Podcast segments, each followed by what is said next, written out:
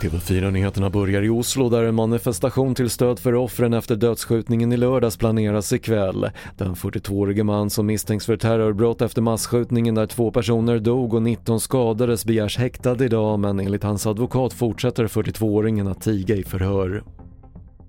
Minst fyra personer omkom och runt 500 skadades när en läktare rasade samman på en tjurfäktningsarena i centrala Colombia igår. Enligt provinsens guvernör skadades minst 30 personer allvarligt och man befarar att dödssiffran kommer att stiga.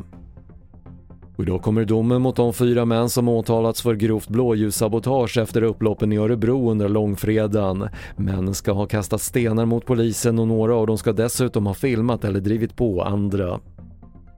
Till sist hockey, för Colorado blev Stanley Cup-mästare tidigt i morse efter att ha vunnit över de regerande mästarna Tampa Bay med 2-1 i sjätte finalmatchen.